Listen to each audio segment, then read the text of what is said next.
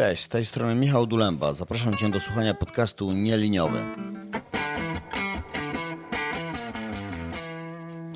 Cześć, dzisiaj porozmawiam z Marią Janicką z firmy Sunrise.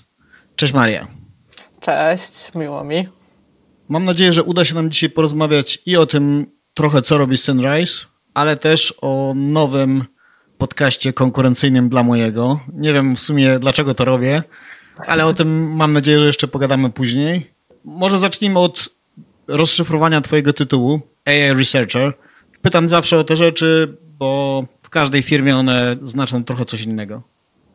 Wiesz co? Tak, u mnie myślę, że ten tytuł w ogóle znaczy też coś innego niż u innych AI researcherów u mnie w zespole, bo należę do zespołu właśnie AI Research, który jak zajmuje się pisaniem nowych algorytmów, rozkminianiem ulepszeń do tych, które mamy, czytaniem paperów i kombinowaniem, co możemy zrobić, żeby pobić różne state of the art w dziedzinie rekomendacji, czy w ogóle jakby w różnych dziedzinach. Tutaj ambicje są szerokie, ale ja akurat pracuję w trochę inny sposób, bo ja zajmuję się tą stroną dzielenia się wiedzą.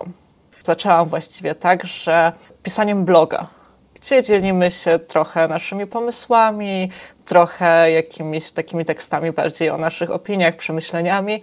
I to był taki początek, ale później pojawił się też temat podcastu właśnie. Tutaj zaczęliśmy robić konkurencję teraz trochę łączę te dwie rzeczy, chociaż muszę przyznać, że jak pojawił się podcast, no to blog został trochę chcąc, nie chcąc e, zostawiony sam sobie, osierocony, ale właśnie teraz już wracam do pisania postów. No i ta moja praca jest trochę związana, ten research jest związany bardziej z tą częścią dzielenia się wiedzą, ale no to też nie jest tak, że ja nie zajmowałam się AI od strony praktycznej, bo właśnie na tym to wszystko polegało, że jestem praktykiem, umiem wytrenować model i, i zrobić różne rzeczy i ten skill był też ważny osoba z perspektywy praktyka, która rozumie te rzeczy, jest w stanie je wytłumaczyć. Czyli nie musimy się trzymać pewnego takiego ogólnego ślizgania się po powierzchni, ale zejść trochę niżej.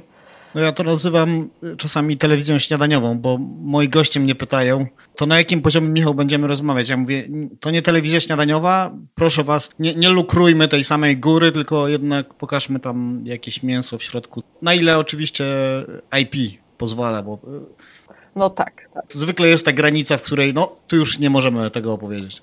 To jeszcze chciałem cię zapytać, czy to dzielenie się wiedzą to jest typowo taka myśl, robimy taki sprytny content marketing dla firmy, czy tam jeszcze są jakieś rzeczy typu, nie wiem, budujemy community, przyciągamy nowych pracowników, no coś tam stoi w tle za tym e, pomysłem. Ja bym powiedziała, że ten content marketing to, to jest gdzieś. Ja wiem, to jest tak, że jak firma wychodzi z taką inicjatywą, to od razu ludzie szukają haczyków i co oni nam chcą upchnąć. Ja rozumiem, że gdzieś tam z tyłu to pozytywnie wpływa na obraz firmy, dlatego że no, pokazujemy, kto stoi za tą firmą, co robimy, jakby kim jesteśmy ale myślę, że tu jest dużo czynników. Po pierwsze, robimy fajne rzeczy w tym researchu i fajnie się nimi dzielić. I też wypuszczanie takich rzeczy w świat może czasami przyczynić się do tego, że będziemy w stanie ulepszyć nasze produkty, że dostaniemy jakąś informację zwrotną i to jest bardzo cenne. Z drugiej strony, i to jest taka bardziej ideowa strona, która dla mnie na przykład osobiście jest najważniejsza, to jest trochę tak, że firma korzysta trochę ze środowiska, w jakim funkcjonuje. Czyli dzieląc się wiedzą i promując takie inicjatywy, wpływamy na cały ekosystem. To jest takie długofalowe. Ja nie mówię tutaj o takim bezpośrednim wpływie, ale poszerzamy jakąś świadomość ludzi, którzy mogą kiedyś zostać naszymi pracownikami, wpływając na rzetelność tego, jak się mówi o AI, czy takiego dyskursu związanego z AI też budujemy całe środowisko, które w efekcie będzie mogło wpłynąć na to, jak, w jakim środowisku funkcjonuje firma. Także to też uważam, że w takim bardziej długofalowym wymiarze też na to trzeba zwrócić uwagę, że gdzieś można kogoś zainspirować, zarazić taką ideą i tworzyć jakiś taki fajny, rzetelny sposób mówienia i robienia AI, który będzie z pożytkiem dla, dla ogółu i też dla firmy przez to. Ja się zastanawiam na przykład, na ile być może już macie na przykład taki odzew, no bo tej firmie, w której ja pracuję, badania zajmują raczej mniej, raczej jesteśmy tacy applied, czyli bierzemy coś, ewentualnie retrenujemy, zmieniamy pod naszym kątem, bo potrzebujemy w danym miejscu, a wiem, że w różnych rozmowach pojawiają się takie czasami, że ludzie mają takie głębokie życzenie, że oni by chcieli trafić do teamu, który robi research. I teraz jak wchodzisz na no fluff jobs, to bardzo trudno jest powiedzieć, w której firmie jak zaaplikujesz, to będziesz mieć w ogóle szansę robić ten kawałek. Więc jestem ciekaw, czy tutaj na przykład udało ci się, nie wiem, może jakoś ten trend zaznaczyć, że macie taki typowo researchowy lab, tak jak, no powiedzmy jest kilka tych firm, które ja kojarzę, że mają, a jednak dużo ludzi robi takie raczej applied. Tak, no u nas zdecydowanie jest ten research robiony, jest ten researchowy lab. Dlatego też trochę ja mogę w tym blogu czy w tym podcaście wychodzić od tej strony. Myślę, że najlepszym przykładem tego, że jakby ten research jest robiony, jest to, co udostępniamy, czyli nasze algorytmy własne stworzone przez nas. Jeden to jest Kleora do e, embedowania grafów, EMDE, który służy tworzenia takich uniwersalnych profili behawioralnych, czy po prostu agregowania różnych wektorów z różnych modalności, różnych eventów. Także Niekoniecznie to polega na tym, że bierzemy transformera i je trenujemy do naszych celów, tylko powstają te algorytmy, które są naszą własnością intelektualną, znaczy one są open source'owe. Tak?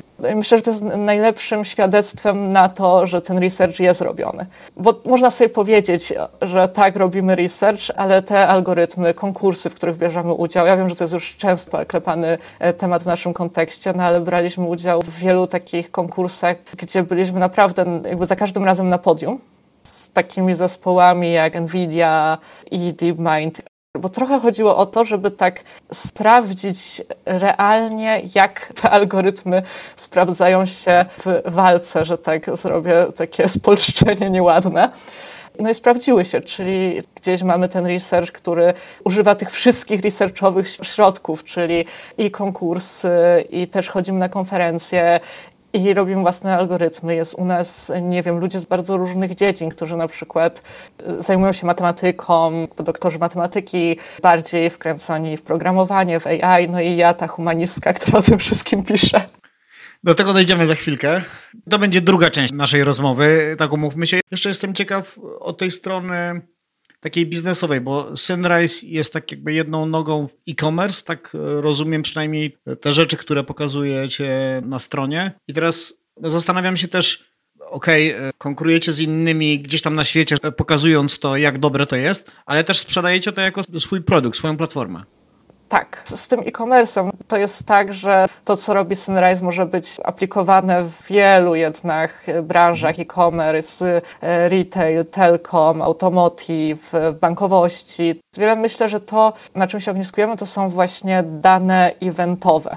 I ja mówię, ok, żeby było jasność, ja będę opowiadała o tej części, na której skupia się teraz ten dział researchowy, no bo jakby o tym jestem w stanie mówić najlepiej bo teraz taki główny fokus działu researchowego jest na Monadzie, który jest trochę czymś odrębnym od platformy Synerise. I Monad trochę jest takim narzędziem, które ma wspierać data scientistów w przetwarzaniu danych eventowych, czyli danych takich jak użytkownik kupił produkt, użytkownik coś kliknął, produkty były w tym samym koszyku i jest tego naprawdę cała masa w tych wszystkich branżach, o których wspomniałam. To są jakieś dane, które mówią o interakcjach użytkowników z produktami czy jakimiś usługami.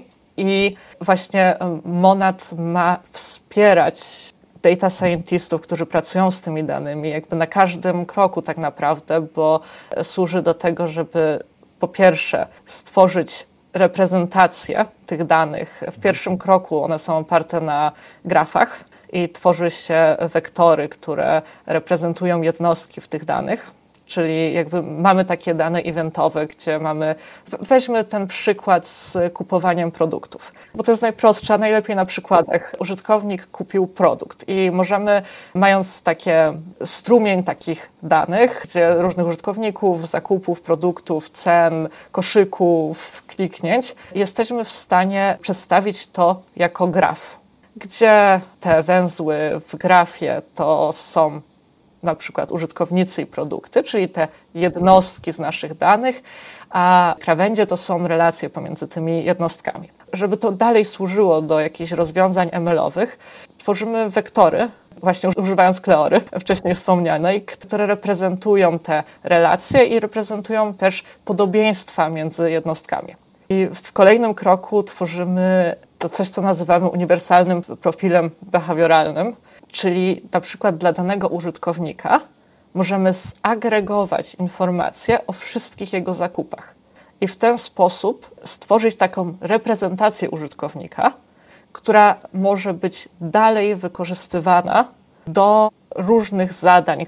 Możemy mieć e, na tej podstawie jakieś różne insighty w, w biznes, czy możemy przewidywać po prostu przyszłość. To może być rekomendacja, czyli możemy rekomendować produkty. Możemy przewidywać, czy w najbliższym czasie użytkownik kupi produkt. I to są już te tak zwane downstream taski, bo trochę to, co Monad robi, to jest taki, tworzy foundation, po pierwsze self-supervised reprezentację, to może stanowić taki foundational model, e, jakby w analogii do tego, co mamy w języku, na przykład GPT albo w obrazach, gdzie dali i w ogóle jest to jakiś trend w podejściu do AI i którego brakowało przy tych danych eventowych, które są kurczę tak ważne, no bo w, w takich realnych zastosowaniach i w tylu różnych gałęziach to są głównie takie dane, to, że te dane są gdzieś najważniejsze dla biznesów. I, i wydaje, wydaje mi się, że Ostatnią rzeczą, którą chciałam powiedzieć, że to później wykorzystuje się do takiego prostego przetrenowania do już tych poszczególnych tasków, o których mówiłam, tych zadań jak rekomendacje, czy churn prediction, czy, czy ktoś kupi w jakimś oknie czasowym produkt. Wydaje mi się, że tutaj tą zaletą jeszcze jest to, że to rozwiązanie jest stworzone do danych eventowych, które są gigantyczne te algorytmy Cleora i MD pozwalają to na tyle szybko przetwarzać, że to jest takie skalowalne jest do użycia na tak dużych danych. Okej, okay, no to wyobraziłem sobie, że taki embedding usera może powiedzieć nam, czy to jest świeżo upieczony ojciec i szaleje na Allegro, bo organizuje właśnie nowy pokój, czy to jest, nie wiem, wędkarz, który cyklicznie kupuje określone produkty. Czyli podejrzewam, że, że można bardzo precyzyjnie określić, kto to jest na podstawie tych całych zachowań, nie musząc robić tego tak, nazwijmy to, że ktoś czyta jego dane i zastanawia się w zasadzie, co to jest za człowiek, czyli sklastrować potem podobnych użytkowników i na podstawie tego im coś proponować. Tak mogę to rozumieć? Nie wiem do końca, czy to jest tak, że mm, patrząc na taką reprezentację, ten uniwersalny profil behawioralny, będziemy wiedzieli, czy to jest tata, ale ten profil może stanowić input do modelu, który na przykład dokonuje predykcji, co jeszcze ten użytkownik może kupić.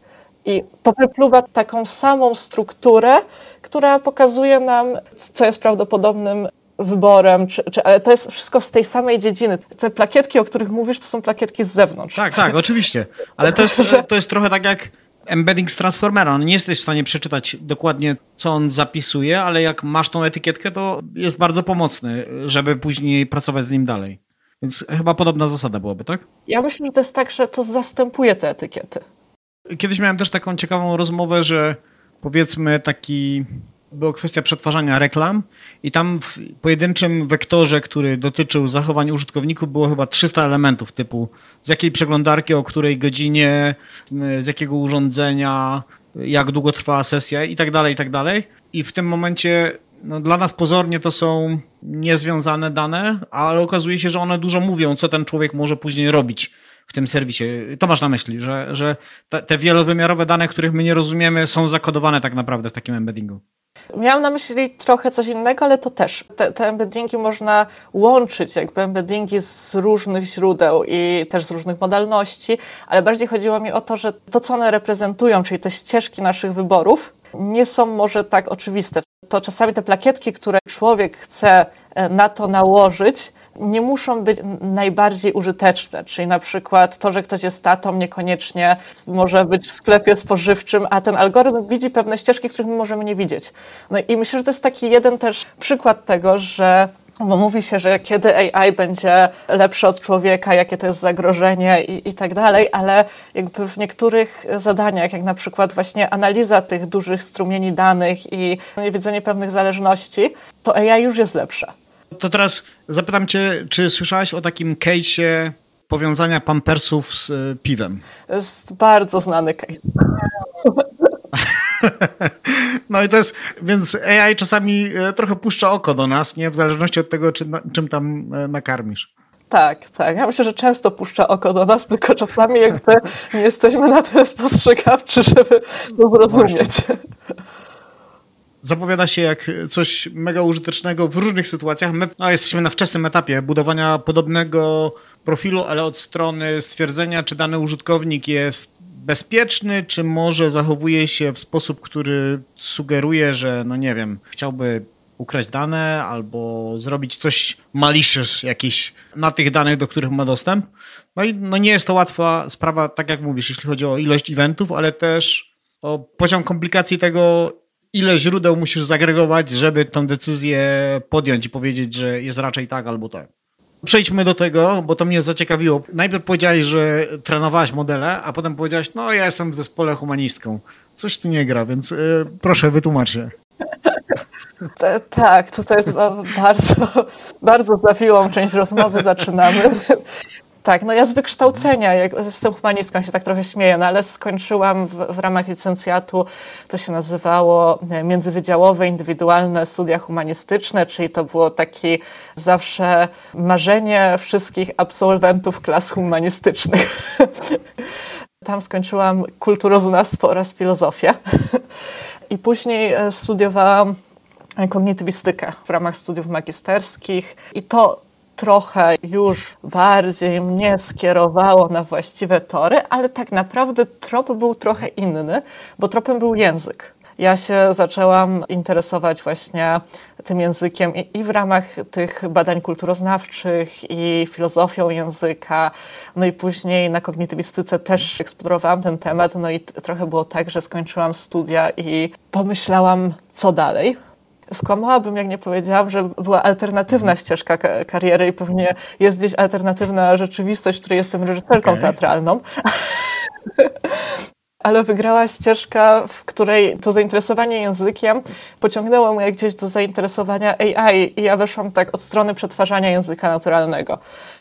Trochę zaczęłam się właśnie sama uczyć Pythona i ja bardzo szybko po prostu dostałam się na staż w Samsungu, ale takim jakby pierwszym projektem, który zrobiłam sobie sama, żeby się w to wdrożyć, było chyba wrzucenie krytyki czystego rozumu Kanta e, do Word to Weka. Okay. Nietypowo. żeby zobaczyć, co tam wyjdzie to, to jest ta moja dziwna ścieżka. No i no już od Samsunga zaczyna się taka praktyczna praca, gdzie zajmowałam się detekcją fake newsów, później Findwise bliżej rozwiązań searchowych, rozwiązań learn to rank. No a teraz trochę tak się złożyło, że jakby mam zajęcie, które łączy te dwie strony mojej osobowości. Humanistkę z programistką. I po prostu mówię i piszę o AI. Już zmierzamy do tego podcastu. No ja jestem bardzo ciekaw y, Twoich wrażeń. No przyznam, że rzucenie się na nagrywanie z kamerą w zasadzie bez cięcia, no ja jestem pełen podziwu, bo moje pierwsze trzy odcinki miały chyba 3000 cięć i dalej jest tak, że jest ich całkiem sporo. Podziel się, podziel się pierwszymi wrażeniami. Trochę głęboka woda, a trochę taki no muszę przyznać, brak świadomości. E, wyszło mniej więcej od tego, że zaczęliśmy współpracować jakiś czas temu z Business Insiderem nad podcastem Zrozumieć AI. No i tam konsultowaliśmy stronę merytoryczną, też proponowaliśmy gości, właśnie taki nacisk kładliśmy na to, żeby to byli praktycy. Ten podcast, on ma dotrzeć do szerokiej publiczności, wyjaśniać podstawowe pojęcia, przybliżać jakąś tematykę związaną z AI ludziom, którzy może w tym do końca nie siedzą. I to jest super i to jest bardzo potrzebne. No ale jakby oczywiście przy okazji tego zapuściliśmy wodze wyobraźni i zaczęliśmy myśleć o tym, jakich by to nie można było podcastów zrobić i jakiej formuły i trochę zaczęliśmy się tym cieszyć. W końcu stanęło na tym, że okej, okay, robimy. Nie mieliśmy do końca takich kompetencji podcastowych, no powiedzmy to. Nie wiedzieliśmy z czym to się je do końca i ta nasza formuła, którą sobie na początku wymyśliliśmy i którą jakieś tam podejścia widać już, to jest właśnie ta takich luźnych rozmów przy kawie które wychodzą od jakiegoś tematu, jakiegoś newsa, który jest tylko punktem wyjścia do naszej rozmowy, którą prowadzimy właśnie tutaj z ludźmi z naszego zespołu bardzo dużo kombinujemy i dużo myślimy, także ja tutaj mogę o tym opowiadać godzinami tak naprawdę, bo tak, mieliśmy takie dwa założenia, z których wyszliśmy, czy które się jakby na samym początku uformułowały. Pierwsze to jest właśnie podawać taką aktualną, rzetelną wiedzę, dotyczącą AI z tej perspektywy praktyków, bo często te rozmowy o AI w którymś momencie zbiegają do trzech tych samych przykładów. I my chcieliśmy właśnie odejść, jakby nie, nie mówię o wszystkich, ale takich mainstreamowych, takich popularnych. I my chcieliśmy właśnie przedstawiać nowe przykłady i tak podejść do tego właśnie, żeby tą aktualną i rzetelną wiedzę sprzedawać. A drugie to był czynnik ludzki, czyli jakby uznaliśmy, że ważne jest właśnie w podcastach, ważna jest też pewna autentyczność. I to nawet w takich, które są tematyczne i dotyczące wiedzy, to tym, co przyciąga, to jest, wydaje mi się, to, że ktoś jest autentyczny, pokazuje, kim jest właśnie z takimi różnymi nawet słabościami, śmiesznostkami, jakby my wszyscy w zespole jesteśmy inni. I pomyśleliśmy, że wydobycie tego jest też czymś fajnym i co może dać dodatkową taką wartość. Ja osobiście uważam, że to jest też duża część tego, co nas przyciąga do takich treści. Ta właśnie autentyczność, bardziej pokazywanie siebie i wpuszczanie do siebie niż kreowanie się charyzma prowadzącego. Joe Rogan jako naczelny przykład, można powiedzieć, nawet jeżeli czasami odpływa gdzieś tam, no, przyciąga miliony, zarabia miliony, jest na świeczniku w zasadzie od wielu lat. Całkowicie się zgadzam, że taki bardzo grzeczny jest nudny. Po prostu na dłuższą metę, wydaje mi się, nie pozwoli przyciągnąć żeby zasubskrybować i rzeczywiście wracać do tego podcastu, że może przesłuchasz dwa, trzy, ale, ale nie kupicie to. Tak, nas tutaj też jak myśleliśmy o Leksie Friedmanie, wydaje się, że jest bardzo autentyczny i, i też on można byłoby na pierwszy rzut oka powiedzieć, że nie ma takiej osobowości podcastowej, scenicznej, powiedzmy, ale przez to, że jest autentyczny i ta formuła jest taka, że te podcasty są długie i on tam odjeżdża w różne strony i się tego nie boi, że właśnie to sprzedaje tą formułę.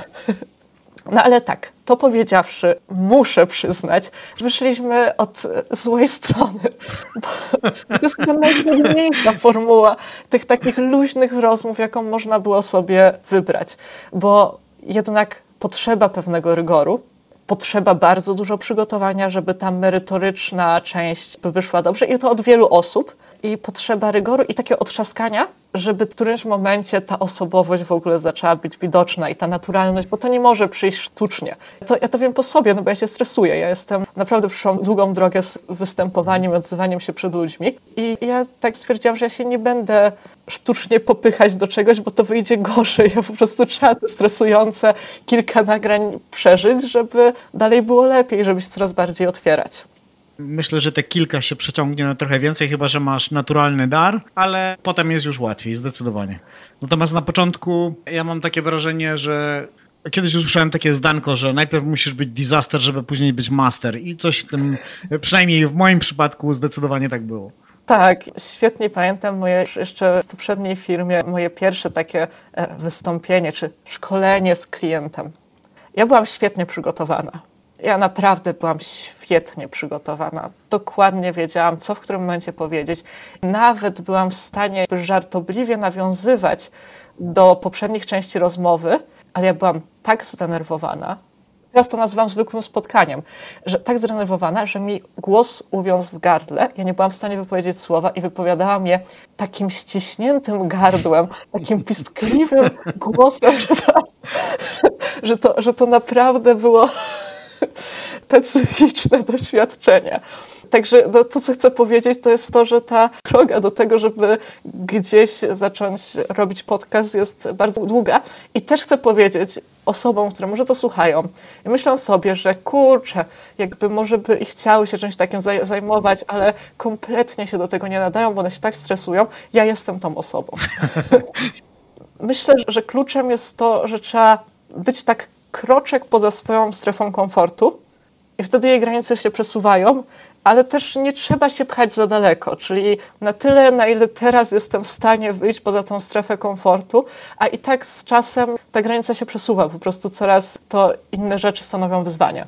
No zdecydowanie. Ja też e, najpierw oczywiście, jak podejrzewam, większość podcasterów zaprosiłem swoich znajomych, potem znajomych znajomych, a dopiero później kogoś zupełnie obcego, gdzie raz, że często na przykład przekraczało to moją wiedzę na jakimś tam obszarze, ale dwa, no, z obcą osobą trzeba trochę gdzieś tam w głowie odblokować rzeczy, żeby to flow złapać i żeby ta rozmowa płynęła w taki sposób, żeby się dało tego słuchać, żeby to nie było takie, taki ping-pong, pytanie, odpowiedź, pytanie, odpowiedź. No, takie podcasty też mam, nie zaglądajcie tam za bardzo wstecz. My jesteśmy teraz na etapie takim jeszcze bardzo właśnie dopracowywania mhm. formatu. Już to, co sobie założyliśmy, te różne rozmowy, to, to jak najbardziej jest nasz cel. Rzeczywiście rozmowy z gośćmi z zewnątrz jest tym drugim nurtem, w który chcemy pójść, bo to też wydaje nam się ciekawe w ogóle. No, myślę, że to jakby z podobnych powodów co dla ciebie, czyli jest tyle ciekawych osób w naszej dziedzinie, i rozmawianie z nimi, na przykład, no nie wiem, nawet patrząc po swoim zespole, gdzie ludzie się interesują nie tylko AI, ale historią, filozofią, sytuacją na świecie i wszędzie w naszej dziedzinie jest masa takich osób, nie tylko w mojej firmie, ale też w wielu innych firmach, dlatego wydaje mi się, że rozmawianie z ludźmi, którzy zajmują się AI czy data science i którzy może nie mają takiej w tym mainstreamowym obiegu nie dostają swojego e, głosu, jest czymś, co warto robić, bo praktycy mają bardzo dużo do powiedzenia o AI z różnych perspektyw. To teraz jeszcze tak cię zapytam bardziej osobiście, a co w tym jest dla ciebie, w tym podcaście? No bo okej, okay, to jest twoja praca, zakładam, że lubisz ten kawałek, ale dobra, najpierw ciebie zapytam, a potem ja powiem. Żeby mnie odgapiła. Ja myślę, że to, co jest dla mnie i myślę, że to, co tak naprawdę trochę stoi za tym podcastem, wracamy do początku, do tego pytania o to, co firma z tego ma. I myślę, że to trochę jest w drugą stronę, czyli co jest ważne dla ludzi, którzy pracują w firmie. Bo nie wszystko, co jest robione pod płaszczykiem firmy, nie do wszystkiego firma musi być endpointem. Istotne jest też to, że są ludzie, którzy osobiście jakby mają jakieś cele, coś jest dla nich ważnych i na przykład dla mnie ten aspekt edukacyjny i pewnej rzetelności w mówieniu o rzeczach jest bardzo ważny i to pozwala mi się w jakiś sposób realizować gdzieś w zgodzie ze swoimi wartościami. I też wiem, że na przykład dla Jarka, czyli naszego CEO i fundera, jakby edukacja też jest bardzo ważnym tematem.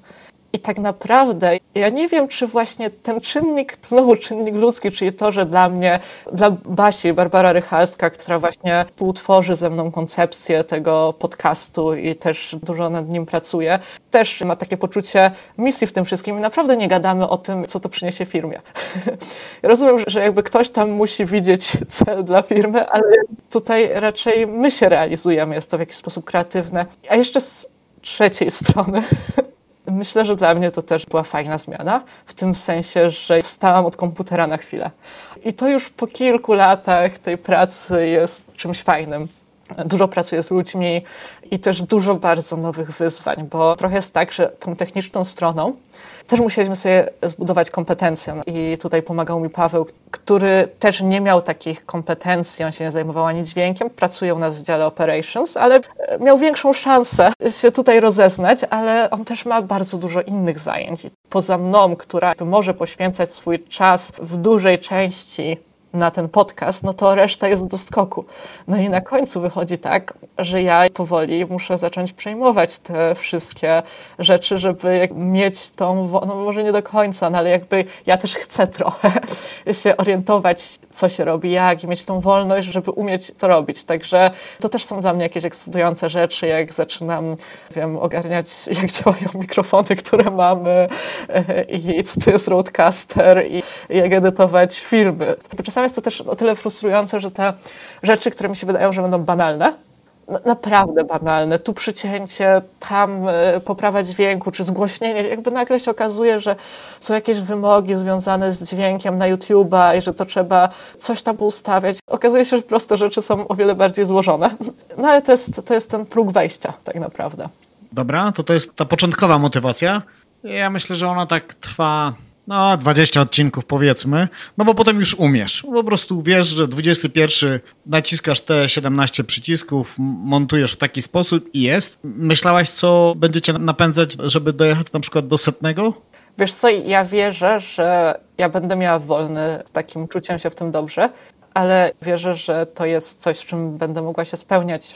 Dlatego po pierwsze, że to jest w zgodzie z moimi wartościami. W sensie, ja wiem, że to brzmi bardzo górnolotnie, ale no nie wiem, edukacja jest dla mnie ważna. Jak robisz coś i masz poczucie, że to jest dla ciebie ważne, to to potrafi długo trzymać takim zainteresowaniu, wydaje mi się. To, to jedno, a drugie, kurczę, czuję właśnie, że, że może będę w tym dobra, że, że jakby będę się spełniała właśnie tym jako człowiek, a oprócz tego, że może swój potencjał będę realizowała.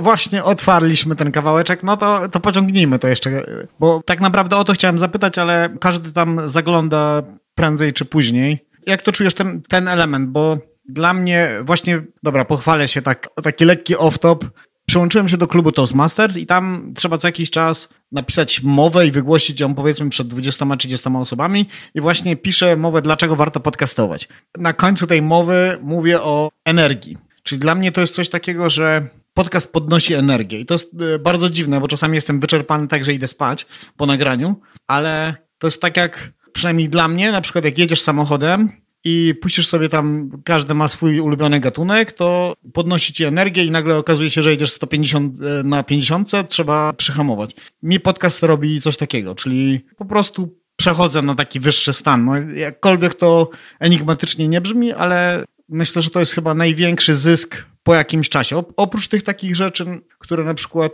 tak jak ty mówisz o edukacji, to sporadycznie docierają takie informacje. Ja zakładam, że tam może częściej się to trochę zdarza. Udaje mi się łączyć ludzi. I to jest taka myśl pod spodem, czyli nagle się okazuje, że ktoś poznaje kogoś i robią coś razem, albo jedna firma współpracuje z drugą, czyli takie łączenie tej, tej sieci AI wewnątrz Polski to jest coś takiego, no gdzieś tam pod spodem, co, co sobie z różnych rzeczy, które na początku myślałem, że, że to może mnie napędzać, to to co jakiś czas przez to, że dostaję takie informacje, robimy coś razem, o fajnie, wypuścimy nowy papier, albo mam tutaj teraz, nie wiem, dodatkowe pół etatu, no to jest taki boost energii do tego, żeby robić to dalej. No bo można w pewnym momencie, u mnie to nie jest praca, więc jakby ja muszę mieć dodatkową motywację, żeby wstać rano albo posiedzieć w nocy i montować. Rozumiem, rozumiem, ale właśnie to jest, to jest ta praca u podstaw. To, o czym mówisz, to jest dokładnie to, że widzisz, jakie to ma przełożenie na cały ekosystem trochę tego naszego polskiego AI. Myślę, że to jest, kurczę, bardzo ważne ta edukacja, no jakby też chodzi mi o rzetelność tego dyskursu o AI, tak jak się mówi, że często można narzekać na to, że a, bo tak mówią o AI, a tutaj straszą, a tu niewystarczająco straszą. Łatwo jest narzekać, ale trudniej jest zrobić, samemu dorzucić swój klocuszek do tego.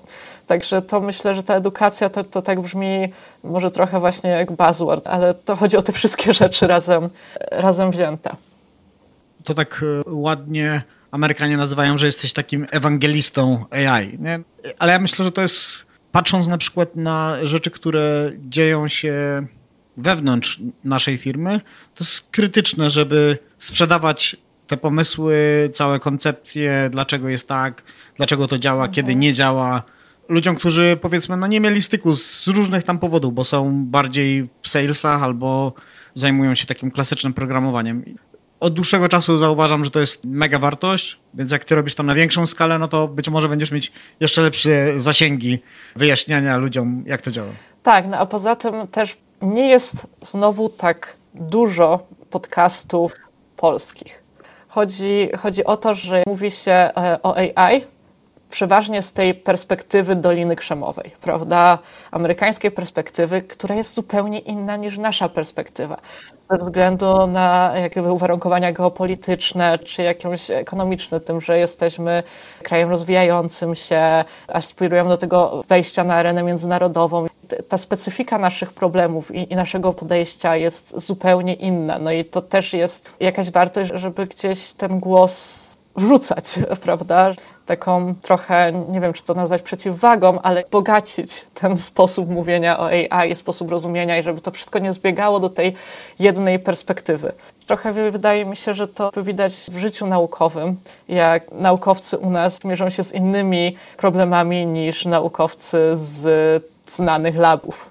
Tu ostatnio podobało mi się, ktoś z Neptune AI wrzucił takiego posta, że dużo łatwiej jest znaleźć praktyki związane z data science Netflixa i Amazona niż z firmy, która ma powiedzmy 10 osób albo 15 pracujących w takim labie. No i ten zestaw w zasadzie wszystko jest inaczej w takiej firmie niż w takiej, która ma kilkaset osób pracujących nad daną dziedziną.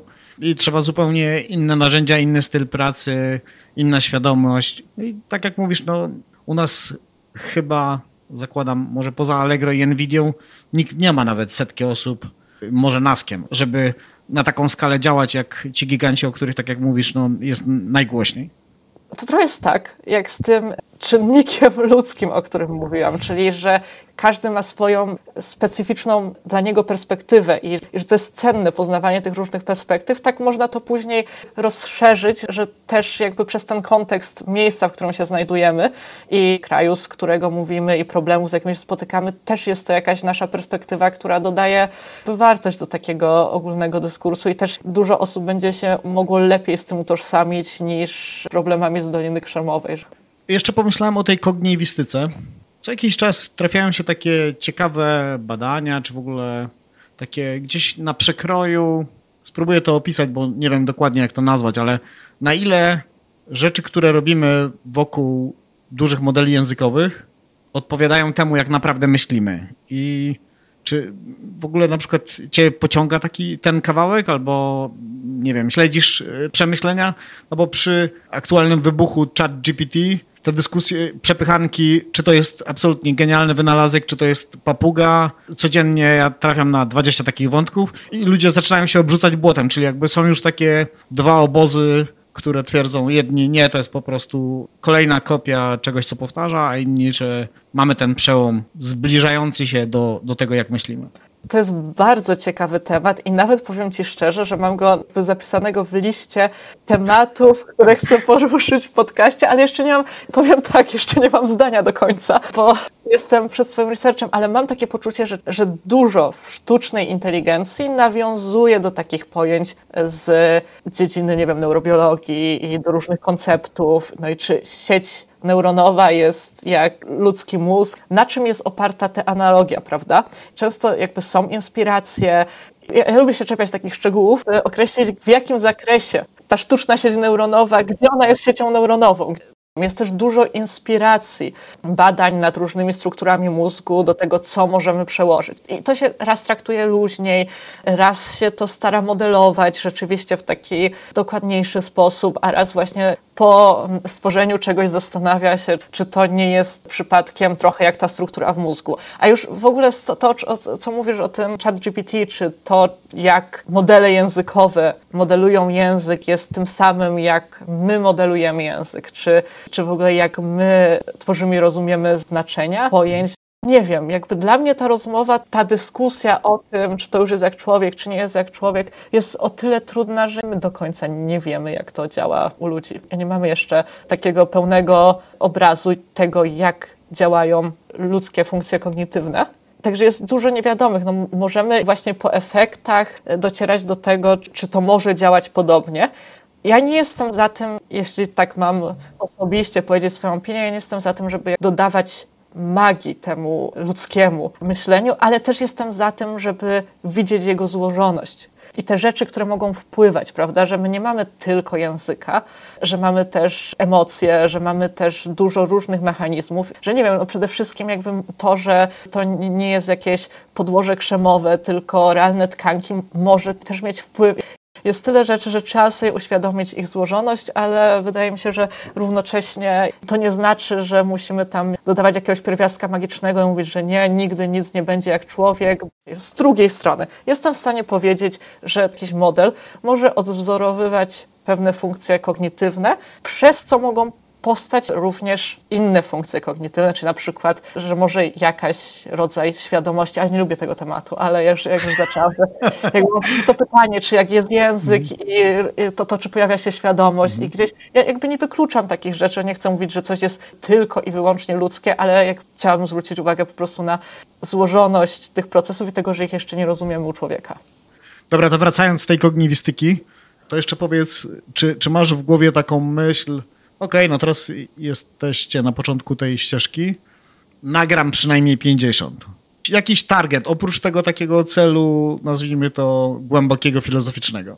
Na razie jesteśmy na etapie, znajdziemy formułę, która dla nas działa i trochę dać czas, żeby zobaczyć, czy on siada, pracować coś, sprawdzić, ale też jak na przykład się okaże, że nie wiem, po jakimś dłuższym czasie, że to nie siadło, no to nie, nie będę się trzymać dla idei tym optymistycznym akcentem trzymam kciuki, żeby szło dobrze, żeby ta liczba tam na liczniku rosła, subskrypcje na YouTubie i Spotify'u też. Powodzenia. Dzięki. No jeszcze powiem na koniec, już tak się tutaj jeszcze wtrącę, że też, e, też przez to, że ty robisz swój podcast, my się też mogliśmy zainspirować. Jak już ci pisałam w wiadomości prywatnej, że nazwa twoja po prostu długo, długo walczyliśmy, żeby po angielsku wymyślić coś jakby równie jakby błyskotliwego, ale niestety nie udało nam się, no i, i skonwergowaliśmy do mema. Ale łatwo was znaleźć, bo ostatnio y, zastanawiałem się, jak szukać, czy Sunrise Podcast, ale tam wcześniej były chyba też jakieś takie innego typu odcinki, takie mam wrażenie bardziej marketingowe, nie jestem pewien.